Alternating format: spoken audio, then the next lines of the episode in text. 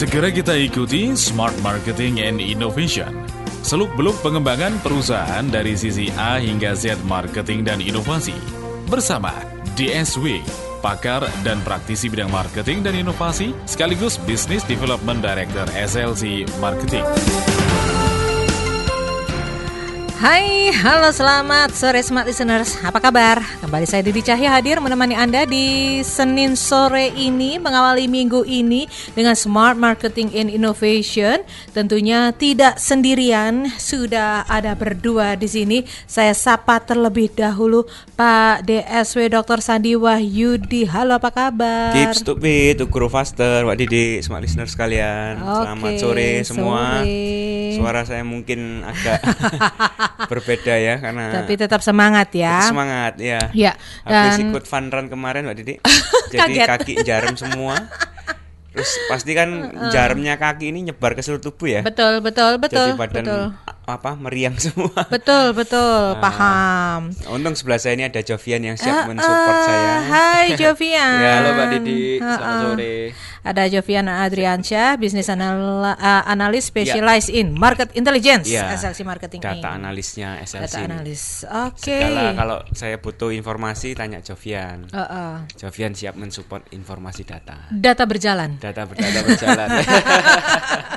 Hari ini dia akan banyak cerita juga terkait family business yang ada Oke. di Indonesia khususnya. Nanti Jovian akan uh, memberikan sedikit sharing ya Oke. bagaimana family business di Indonesia bisa berubah jadi dari tradisional ke profesional. Itu Ini yang menjadi tema kita sore hari tema ini. kita sore ini, Mbak Dini. Ini tema yang terakhir sebelum kita nanti kopdar tanggal 24 Oktober ya, hari Kamis di Java Paragon. Oke. Kita total sudah 5 Senin ini, Mbak Didi. Ah, ah, 5 ah, Senin ah, ini. Senin oke. yang pertama kita bicara inovasi dalam bisnis keluarga itu apa aja. Mhm. Setelah eh, apa? Minggu Senin yang kedua kita diskusi apa saja sih eh, apa namanya? Rahasia untuk suksesi ya kan? Yang lalu juga yang tepat siapa? Inovasi atau suksesi duluan? Mhm. terus juga ada beberapa eh, langkah-langkah untuk berinovasi. Mhm. nah hari ini ini lebih kepada manajemennya ya. Jadi bukan ke inovasinya tapi ke manajemennya. Karena setelah inovasi tapi tidak dibarengi dengan manajemen yang baik maka inovasi ini akan cenderung tidak terpola dan tidak terkondisi sedemikian malah menjadikan perusahaan tidak bergerak baik Mbak Didi. Ya karena inovasi selalu kontradiksi dengan manajemen. Betul. kenapa kok seperti itu? Inovasi itu kan sesuatu yang baru. Ya. Nah, manajemen itu membakukan yang sudah ada semakin lebih tersistem tertata. Semakin perusahaan itu menggunakan ISO semakin menggunakan sistem biasanya su- sulit untuk berinovasi karena sudah tersistemasi. Sedangkan perusahaan yang startup yang baru mulai usaha kebanyakan inovasinya luar biasa karena belum ada pola manajemen yang baik. Itulah mereka ruang berkreasi. Maka sebetulnya bicara inovasi dengan manajemen ini sesuatu yang kontradiktif, yang tidak seiring sejalan. Kalau yang lalu sudah inovasinya, sore ini kita bicara manajemennya, Mbak Didi. Oke. Mm-mm. Dari tradisional ke uh, profesional. Oke, lebih ke manajemennya. Eh ini kita memulai dari mana nih? Kita dari contoh kasus dulu atau tentang apa dulu ini? Eh, tentang Ya. karena kita lebih kepada manajemen ya itu tadi seperti yang disampaikan nggak mudah loh untuk membuat atau me- apa membelokkan dari yang tradisional menjadi profesional padahal itu udah tuntutan zaman. Ya, Kalau enggak ya ya sudah mau gitu-gitu aja mati malah gitu kan? betul Mbak Didi. Gimana? perusahaan yang tradisional sebetulnya ada untungnya juga ya Mbak Didi ya bukan selalu perusahaan tradisional ini selalu merugikan. Kenapa? Contoh misal gini. Kalau di satu perusahaan bisnis keluarga Mbak Didi, biasanya itu kan sang owner, sang founder itu merangkap menjadi pimpinan juga. Dia masih mau menjadi marketing, dia merangkap menjadi kadang terima telepon sebagai admin, operator semua dilakuin sendiri ya. Nah, itu memang tradisional, tidak ada sistem jelas bahwa siapa memegang tugas apa, siapa memegang tugas apa. Kalau bisa semua ngerjain semua. Oke. Siapa pun mengerjakan apa pun gitu kan. Oke. Nah, itu kan gaya tradisional tapi sebetulnya kalau dihitung secara cost itu malah lebih hemat, efisien. Karena multitasking satu orang bisa mengerjakan anything gitu ya. Andai satu karyawan nggak masuk dengan mudahnya uh, meminta karyawan yang masuk ini mengerjakan membackup tugas kawannya yang nggak masuk. Mhm. Itu adalah gaya family business yang umumnya. Jadi uh, kalau dihitung malah efisien. Tradisional itu plusnya adalah efisiensinya tinggi. Mhm. Nah, tapi untuk spesialisasi, untuk profesionalisme, ya, untuk uh, spesifik, dia lebih detail, dia lebih tajam pemikirannya, agak sulit karena dia sifatnya uh, secara general, umum ya, knowledge-nya general, bukan secara spesifik. Mhm. Maka uh, family business yang demikian tidak bisa berkembang besar. Kenapa tidak bisa berkembang besar? Karena uh, kapasitas dari tiap tim timnya itu adalah general semua. Oke. Sedangkan kalau membesarnya suatu organisasi biasanya dibutuhkan uh, skill-skill tertentu yang spesifik, yang lebih apa? Contoh misal gini, "Eh, Pak saya nggak usah accounting karena admin saya ini bisa sekaligus serangkap accounting. Oh. Nah, oke. Pak saya nggak usah perpajakan karena saya leskan dia brevet A, B, dia sekarang sudah bisa perpajakan. Oke. Nah, arti kata dia admin ini ngerjain accounting, ngerjain perpajakan juga bisa. Kalau transaksinya cuman katakan satu bulan itu transaksinya 500 transaksi itu udah cukup hebat ya dibagi 25 hari kerja. Berarti dia satu hari menyelesaikan 20 postingan, 20 faktur apa itu cukup. Oke lah ya. Itu adalah skala bisnis keluarga kalau satu orang admin merangkap uh, accounting dan perpajakan. Bayangkan kalau dia ingin bertumbuh besar, misal ingin scale up uh, 2000 transaksi per hari. Oke. Satu orang ini nggak akan mungkin ngerjain semua sendiri. Betul, betul, Maka harus ada spesifik khusus bagian staf pajak, Mhm. staf admin, staf accounting supaya dia bisa kecepatan repetisi mengerjakan satu hal yang berulang kali itu akan lebih cepat Oke. ketimbang melakukan tiga hal berbeda secara berurutan. Oke. Seseorang akan lebih cepat mengerjakan satu hal yang sama tapi jumlahnya banyak.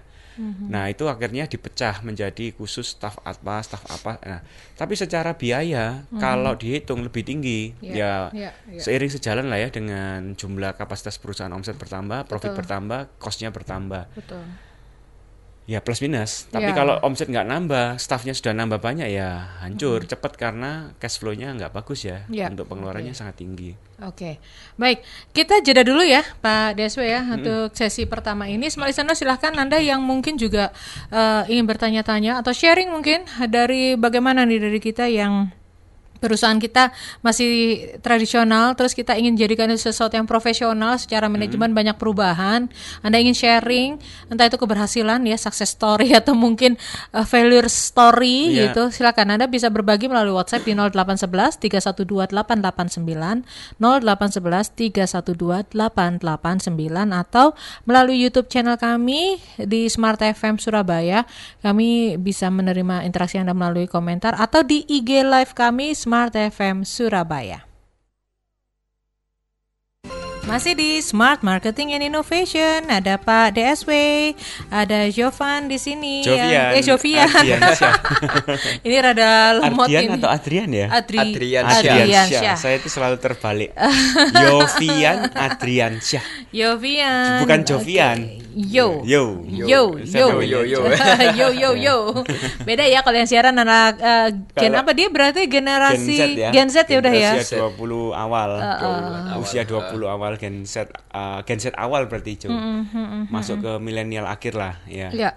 Tapi nah ini tadi kan si eh, Jovian ini kan bisa dibilang data berjalan nih. Ada nggak?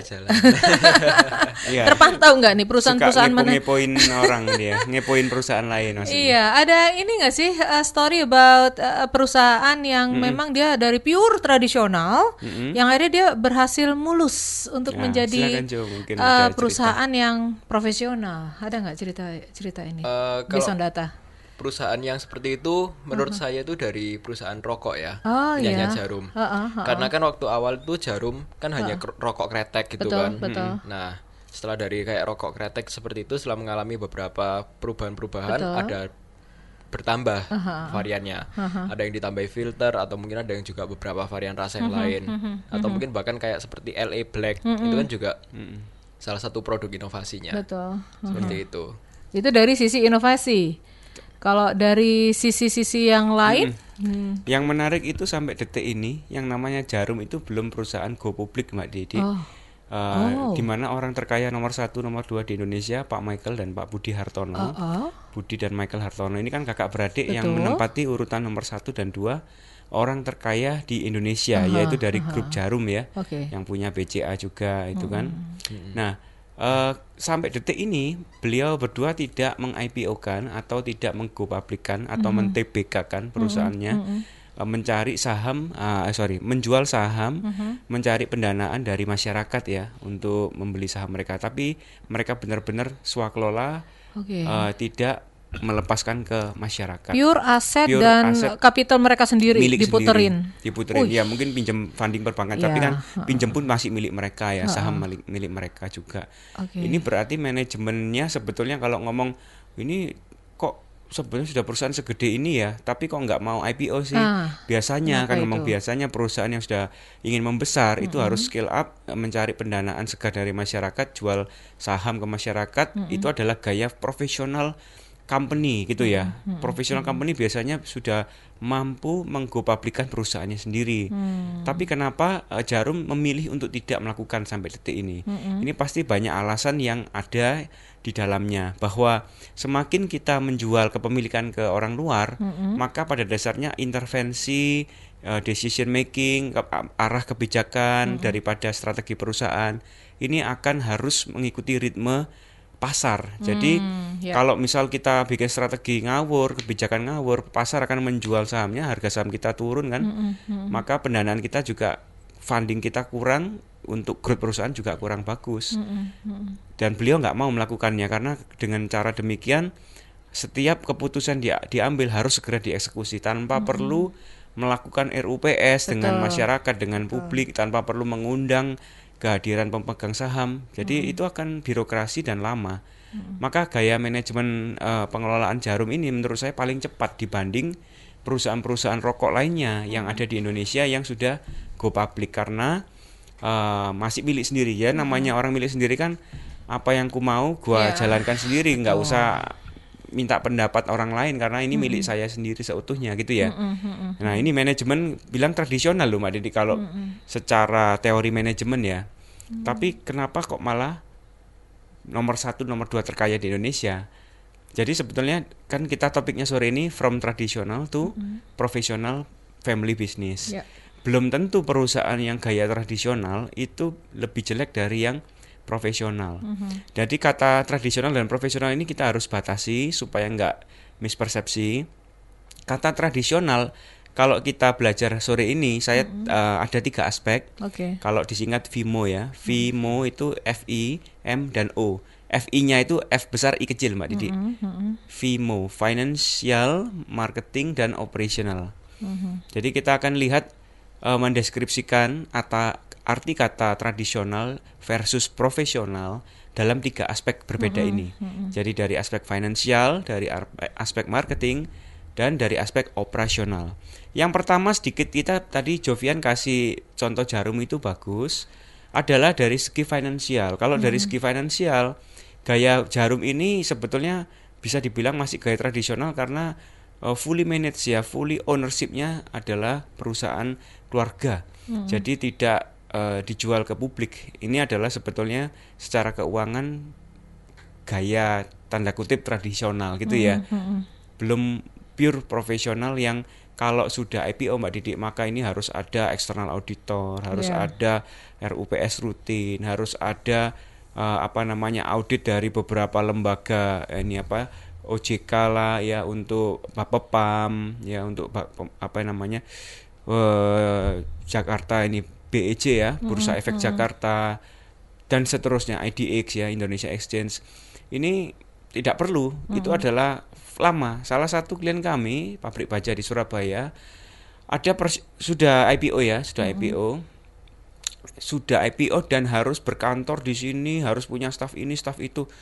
Kosnya berat sekali. Iya. malah membuat kompetisi dengan pabrik baja lain yang ada di eh, Indonesia khususnya Surabaya ya malah kurang bersaing secara harga kompetitif pricingnya ke user ke customer karena apa biaya kos-kos ini harus dimasukkan dalam unit price eh, harga jual setiap pipa bajanya ini kan otomatis harganya malah kurang kompetitif. Di satu sisi ingin mendapat pendanaan segar dari publik ya, tapi di sisi lain konsumen ini juga harus diperhatikan daya Iya, belinya. Betul. Maka belum tentu perusahaan yang sudah IPO ini akan lebih baik. Ya memang secara standar, secara apa worldwide ya akan lebih diterima bahwa perusahaan ini sudah perusahaan IPO di Indonesia. Kerjasama dengan asing akan tentu lebih mudah, ya kan? Tapi kalau marketnya masih banyak yang di domestik, ini juga harus hati-hati. Jadi arti kata secara finansial ini from tradisional to profesionalnya adalah bukan konteks harus membesar, bukan Oke. konteks harus meng-IPO-kan, Oke. tapi bagaimana manajemen pengelolaan keuangan lebih profesional. Ini kita cut dulu mau azan Ya, maghrib kelihatannya betul. ya. Aha, Oke. Baik, smart listeners kita jeda dulu ya karena ini waktu azan maghrib untuk kota Surabaya dan sekitarnya. Ya, masih di Smart Marketing and Innovation di sore hari ini masih bersama Pak DSW Dr. Sandi Wahyudi dan juga ada Yovian Adriansyah, bisnis analis dari SLC Marketing. Kita masih membahas tentang from traditional to professional family business. Untuk Anda yang smart listeners yang sudah bergabung di WhatsApp group Smart Listener Surabaya, ini biasanya sudah dapat materinya dan kita bisa bahas bareng-bareng sore hari ini ya. Jadi silakan Anda yang belum menjadi anggota uh, WhatsApp Grup group WA. Uh, uh, Smart Listener Surabaya langsung saja Anda ke 0811 312 889 untuk ya bilang aja saya mau gabung menjadi uh, anggota, Anggota dari grup. WhatsApp group gitu ya. Silahkan nanti bisa langsung kami uh, masukkan di situ. Oke. Tadi dicontohkan uh, Jarum bagaimana dia itu uh, secara finansial masih tradisional karena belum belum mau menjadi TBK, masih Iya. belum membuka keran kepada orang yang ingin memegang saham mereka. Masih di situ-situ aja gitu ya. Tapi menjadi orang terkaya nomor satu dan nomor dua di Indonesia. Karena di sini kita melihatnya dari ya. pengelolaan aset, bukan besarnya Ya. aset, Mm-mm. gitu kan, dari Betul. kapitalnya gitu ya. Betul sekali, Itu jarum. Jadi bagaimana sebenarnya eh, yang tradisional masih bisa, Mm-mm. tapi tidak semua seperti jarum. Ya. Walau apa eh, secara pendanaannya adalah tradisional, Aha. tapi pengelolaannya profesional. Nah, ini kan Mbak. Didi. Heeh. Jadi sebenarnya bukan eh, apa namanya gaya tradisional ini selalu identik harus di- harus punya sendiri gitu ya, bukan seperti itu. Tapi walau punya orang lain pun, tapi kalau kita nggak manajemen profesional ya kita dikejar orang lain untuk bayar utang mereka kan, ya. Hmm, Oke. Ya, contoh seperti eh, manajemen apa yang keuangan secara profesional kan Mbak Didi. Keuangan profesional ini berarti tidak kalau family business itu biasanya masih nyampur ya antara keuangan pribadi, eh, keuangan keluarga dengan keuangan perusahaan. Jadi khususnya rekening itu masih campur kebutuhan anak sekolah, transfer misalnya bulan-bulan Mei Juni gitu ya. Ya. Waduh, waktu mau ngasih gaji karyawan bingung ini apa THR-an ya. Karena waduh sudah untuk uang sekolah anak ini kan gitu ya. Nah, ini gaya manajemen yang belum profesional. Ya. Karena belum dipisah antara rekening pribadi keluarga dengan rekening perusahaan. Itu dulu secara keuangan nggak boleh campur. Terus secara aset juga itu misal ya kalau mobil Mbak Didi Ya. Mobil ini untuk keperluan pribadi atau keperluan untuk usaha. Nah, masalahnya kalau apa ganti uli, ganti apa ini, kalau spare part ya ada kerusakan, ini masuk posting pengeluaran kantor atau pengeluaran pribadi. Ini kan juga nggak jelas juga. Ini kayak gini-gini juga harus eh, di dalam bisnis keluarga harus diperhatikan. Karena kalau bisnis keluarga ini kan nanti harus dihitung kalau Anda punya accounting ada penyusutan ya kan ada biaya-biaya apa yang depresiasi apa istilah itu ya orang accounting. Nah, ini kan nggak pas padahal yang mengcover siapa? Perusahaan atau eh, keluarga. Iya, iya. Nggak bisa nanti kita eh, andaikan perlu pendanaan ke bank, kita kan harus lampirkan laporan keuangan beberapa bulan terakhir, Iya. rekening yang terakhir. Kalau mau kita undang investor atau siapa keluarga mau ikut memiliki saham kita jual kepemilikan kita, mereka kan juga harus ingin tahu eh, berapa pengelolaan yang laporan keuangan yang selama ini terjadi. Jadi mereka kan kita harus transparan. Nah, ini yang menjadi dari manajemen tradisional ke profesional secara keuangan adalah transparansi, semua tercatat, semua terpisah antara eh, kebutuhan keluarga pribadi dengan perusahaan. Oke. Ini masih aspek finansial, Mbak Didi. Aspek Kan finansial. ada FIMO tadi saya bilang ya, financial, marketing dan operasional.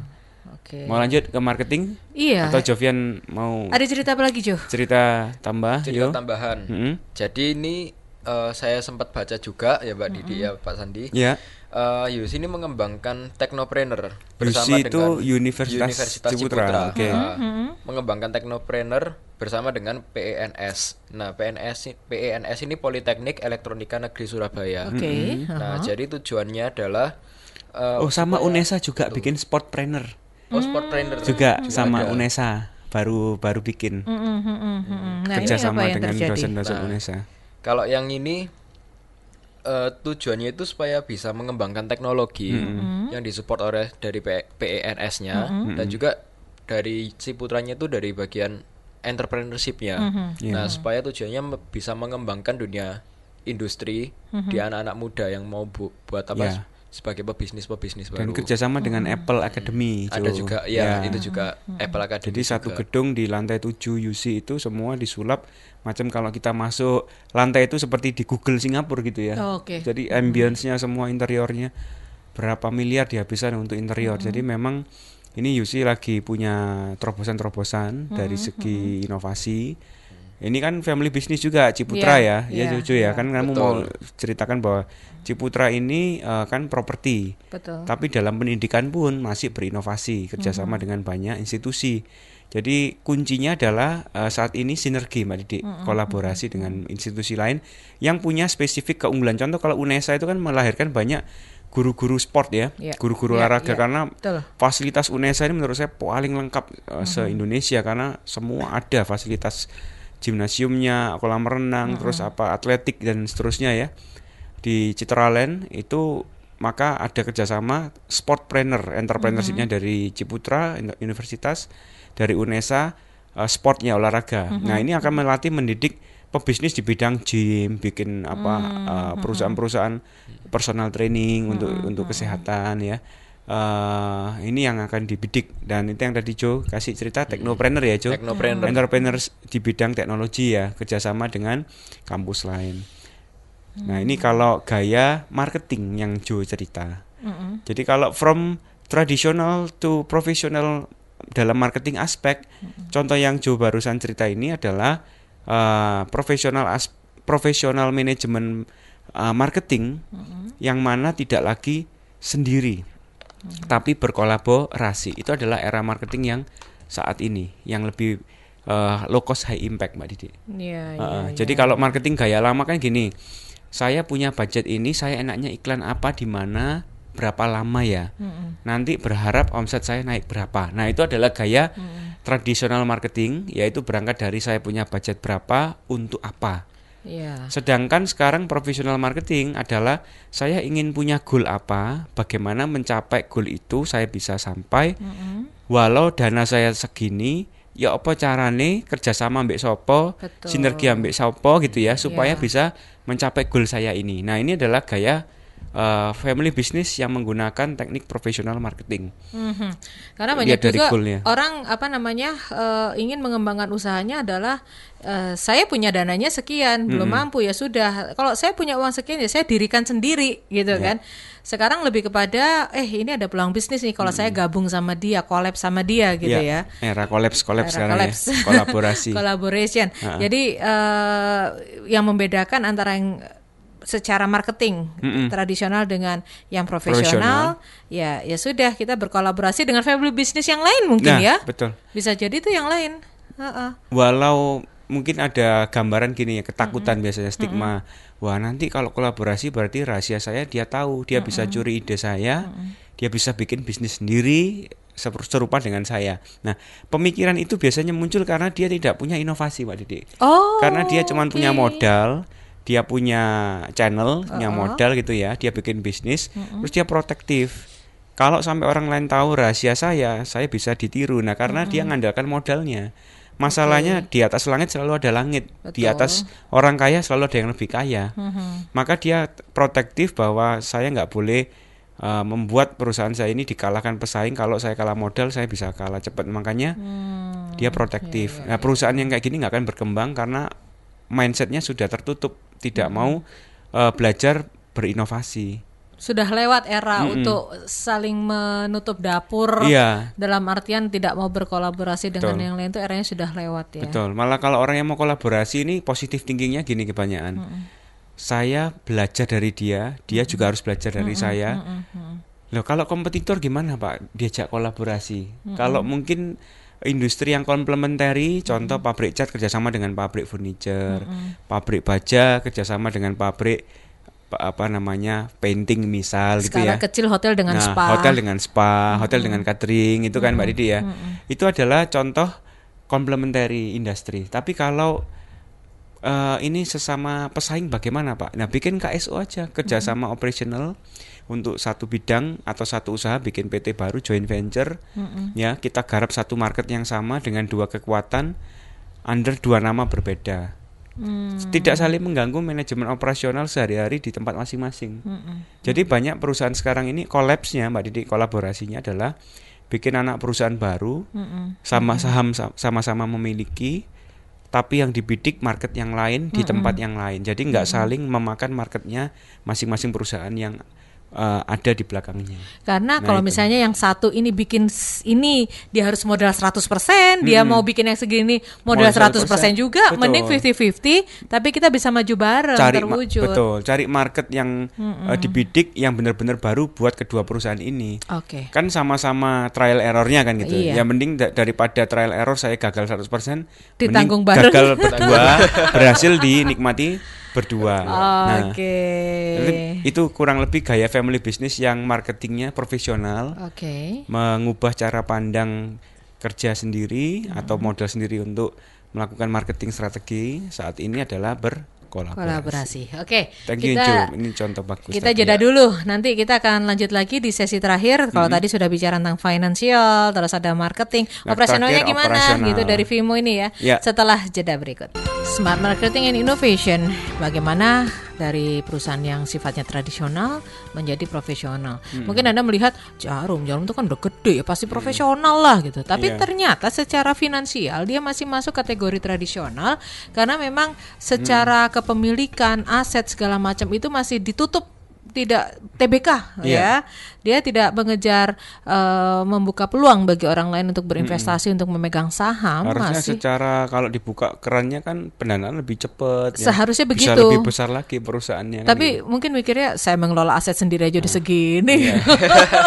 itu juga karena faktor pengambilan keputusan loh. Oh. Karena kalau semakin banyak memiliki kan harus izin Betul. RUPS dipanggil. iya ya. Kalau kayak gini cepat Iya. banget ya. Misalnya ada kenapa kenapa kenapa, ya Speed dia speednya lebih cepat. Fokus pada speed kecepatan. Dan tantangannya adalah pada pengelolaan aset ya. Nah, ini kalau salah meleset sedikit aja. Iya. Ya, tapi ancur ancurnya ancur-ancur sendiri. Kalau terbuka dia ngancurin berapa banyak orang yang punya saham di situ. Ah, Plus minus banget ya Ya, kalau ini. kurang Ah. lebih eh, gaya family business ini loh kan sudah TBK, Pak. Y- Apa Ciputra itu kan sudah TBK ada Ciputra Surya, Ciputra Development TBK, ada Ciputra apa TBK. Tapi kenapa kok masih disebut family business? Jadi sebetulnya secara operasional kita ini Nah, masuk ke operasional oke, ya, yuk, terakhir ya Mbak dari ya. Vimo ya. Vimo, finance, marketing, operasional. Gaya family business yang eh, tradisional ke profesional dalam bidang operasional adalah dari segi eh, apa namanya fungsi, Mbak Didi. Masing-masing staff itu fungsinya apakah sudah menggunakan gaya manajemen eh, profesional, yaitu yang eh, satu orang melakukan fungsi khusus tertentu, gitu kan? Itu yang disebut profesional. Setiap orang ada KPI, setiap orang ada penilaian kinerja berdasarkan fungsinya. Ini kalau manajemen eh, bisnis keluarga yang profesional di bidang operasionalnya. Nah, bagaimana kalau yang tradisional? Yang tradisional ya nggak ada penilaian kinerja. Orang lama ya ditempatkan di bagian tertentu yang eh, dikira lebih dibutuhkan rasa pertanggungjawaban yang bisa Senioritas. bisa dipercaya. Orang lama itu ditaruh keuangan aja karena yang pegang uang ini harus orang yang dipercaya gitu kan. Anak-anak baru ini biasanya tempatkan yang ini aja fotokopi aja pesuruh gitu ya. yang kerjaan yang apa eh, nggak terlalu membutuhkan tanggung jawab. Nah, itu adalah gaya tradisional operasionalnya karena merasa bahwa senioritas tadi Pak Didi ya, eh, jam terbang, kemudian kedekatan dengan owner itu ya. Semakin dekat dengan owner posisi semakin tinggi, bisa dipercaya banyak hal gitu kan. Padahal mungkin secara kompetensi belum tentu orang-orang tersebut tadi lebih pas jikalau digantikan oleh sosok orang lain yang lebih kompeten. Nah, ini bagaimana mengubah gaya tradisional pengelolaannya ke profesional. Nah, ini kita harus petakan dulu uh, goal kita mau ke mana perusahaan kita. Kalau goal kita mau ke sana, berarti harus punya senjata atau amunisi apa aja untuk menuju ke sana. Didetailkan lagi kalau mau punya amunisi ini berarti harus diisi oleh orang-orang yang kompetensinya ini ini ini. ini. Nah, baru dicari siapa orangnya yang pas untuk ngisi kompetensi ini. Nah, kalau gaya tradisional itu biasanya kebalik. Aku duwe wong iki, duwe wong iki. Aku punya Pak Budi, Pak Joko, Bu Susi misalnya. Saya punya tiga orang. Masing-masing punya kekuatannya sendiri-sendiri. Enaknya mereka tak kayak kerjaan apa ya? Nah, Bu Susi tak kayak kerjaan apa ya? Pak Joko tak kayak kerjaan apa ya? Pak Budi tak kasih kerjaan apa ya? supaya mereka bisa maksimal kerja semua. Nah, itu gaya manajemen bisnis keluarga yang tradisional, melihat pada siapa orangnya, dikasih beban kerja apa.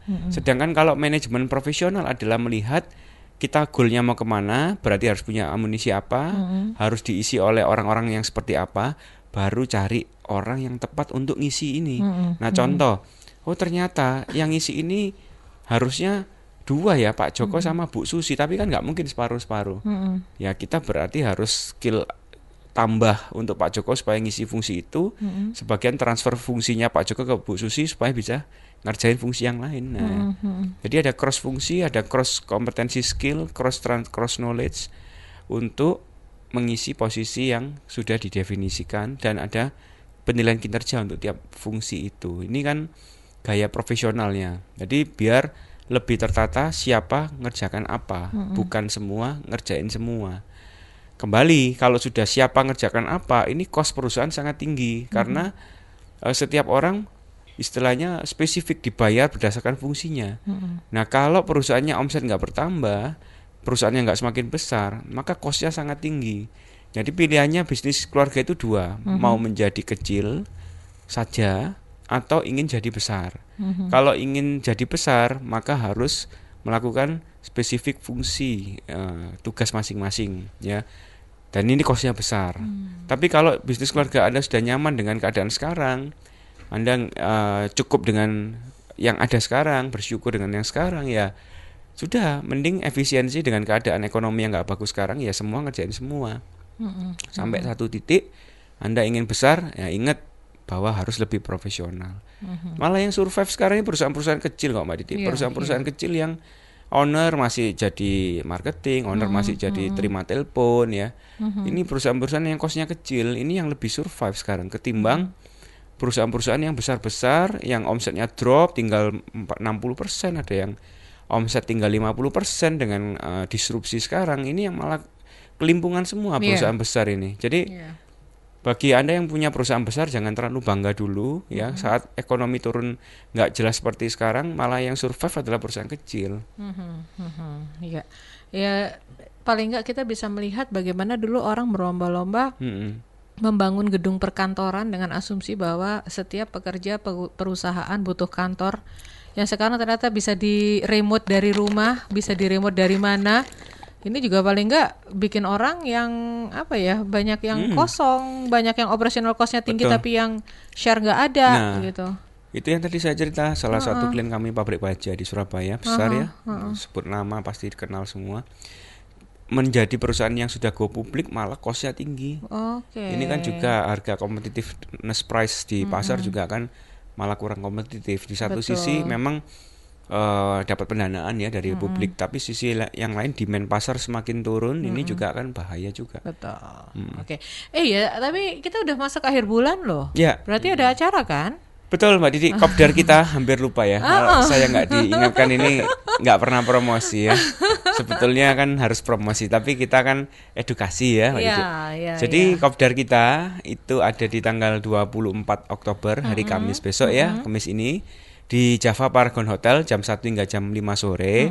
Topik kita tentang family business. Jadi kita akan bahas lebih detail workshop kita ya, khususnya Anda business owner ya. Kalau Anda ajak anak Anda atau Anda ajak orang tua atau Anda ajak suami istri Anda, maka cukup membayarkan satu investasi tiket untuk ikut kelasnya, namun Anda mendapat satu tambahan free. Harus i- keluarga sendiri. Jadi Oke. tidak boleh ajak istri tetangga atau ajak suami yang di luar nikah. Nah, ini tidak boleh nih. Bayar dua nanti ya. Atau ajak anak yang bukan anak Anda ini nggak bisa. Nah, oleh karenanya ayo gabung di kelas workshop khusus tema inovasi family business. Jadi kalau judul kita Mbak Didi itu adalah inovasi versus suksesi. Mana duluan ya. Ya. Jadi kita akan belajar bagaimana strategi inovasi lintas generasi. Khususnya setiap generasi ini harus punya inovasi yang unik yang berbeda. Nah, kalau terjadi inovasi gap ya, artinya sang bapak eh, kepinginnya ke sana, sang anak kepinginnya ke situ, nggak akan ada titik temunya. Maka bagaimana penyelesaiannya supaya perusahaan kita bisa tetap survive lintas generasi dengan inovasi. Oke, jadi kalau suami bawa istri atau istri bawa Buy- suami Buy atau one get one free. atau eh, ayah bawa anak, anak bawa ibu, Ya. itu karena kaitannya dengan family Atau business. Pak boleh nggak saya ajak ke keponakan saya karena eh, anak saya nggak ada yang mau nerusin. Keponakan saya ini yang saya kader supaya bisa nerusin bisnis keluarga kami. Oh It's boleh okay nggak ya. apa-apa. Oke, oke. Ya nggak masalah. Kalau mau ikut ke mana? Jo ke mana Jo? Eh, bisa menghubungi di nomor Kantor. kantor SLC. Iya. Nomornya inget enggak kantormu? Ah, ini ini ini generasi gini ingetnya Gen Z. WA ya. Iya, Gen Z. iya. Jarang yang telepon kantor ya, langsung ke WA. Nomornya I- Irin berapa? Nomornya Mbak Irin. Bentar Pak. Bagian ngurusin per- bagian Atau paling gampang, atau paling gampang ke IG-nya SLC Marketing, IG-nya aja. ada adminnya di situ, Anda DM aja langsung untuk mengetahui lebih eh, lanjut acara tanggal 24 Oktober ya Betul, jadi- di Java Paragon. Langsung aja klik ada, ya kan. heeh. Atau Anda kalau mau kontak kantor eh, 031 511 Oke. atau di Instagramnya SLC Marketing Inc. Nah, boleh. gampang Kalau ya. zaman sekarang ini nomor telepon tuh gak hafal. Semua saya pun gak hafal kok. Kebetulan ya nomor kantor sudah hafal di kepala berapa tahun jadi nancep. Ju. Tapi kalau ngapali nomor nomor istri saya aja enggak hafal. Lu serius? Saya harus Iya. buka nom- nama istri saya dulu baru tahu nomor Nah. handphonenya. Soalnya sudah langsung tersimpan. Enggak masalah. Tapi kalau Oke. IG akun harus hafal. Iya. Jadi kalau Anda ingin tahu apa namanya eh, mana duluan nih inovasi atau sukses ini dalam Ya. family business, Anda harus datang pada Kamis 24 Oktober 2019 di Java Paragon mulai jam 1 sampai 5. 5 sore betul. Lima sore? Mm-mm. Oke. Khusus untuk family business owner saja. Mhm. Jadi sekali lagi kalau suami mau bawa istri, istri mau bawa suami, ayah bawa anak, anak bawa ayahnya, atau ibu bawa anaknya, atau bawa Betul. keponakannya yang masih dalam satu lingkungan family business, silahkan beli satu gratis satu. Buy one get one free. ya. Oke, semoga sukses ya acaranya Amin, untuk hari. Kamis. Closing statement untuk eh, tema kita. Betul. Setelah itu kita ganti tema. Ganti tema ya? Iya. Tutup bulan kita ya. Betul. Ya ampun sampai lupa ini, lupa tanggal. Nah, ini tema bulan ini family business Uh-uh, inovasi uh-uh. Inovasi di dalam family business. Senin depan kita sudah ganti tema baru. Oke, baik. Closing statement ya apa Iya. ya? Closing statement Terkait dengan tradisional dan profesional ini. profesional. Jadi kalau ingin bisnis kita bertahan, bisnis keluarga kita ya Mak Didi maksud saya.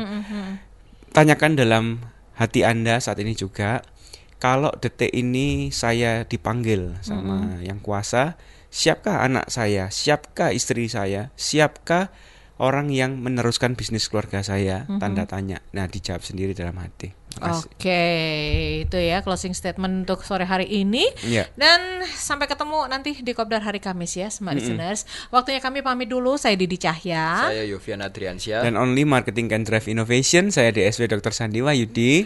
Hanya Hanya, untuk untuk Smart, Smart FM.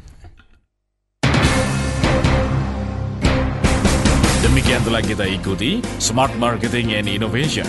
Seluk-beluk pengembangan perusahaan dari sisi A hingga Z marketing dan inovasi bersama DSW, pakar dan praktisi bidang marketing dan inovasi sekaligus Business Development Director SLC Marketing. Ikuti inspirasinya setiap hari hanya di 889 Smart FM Surabaya.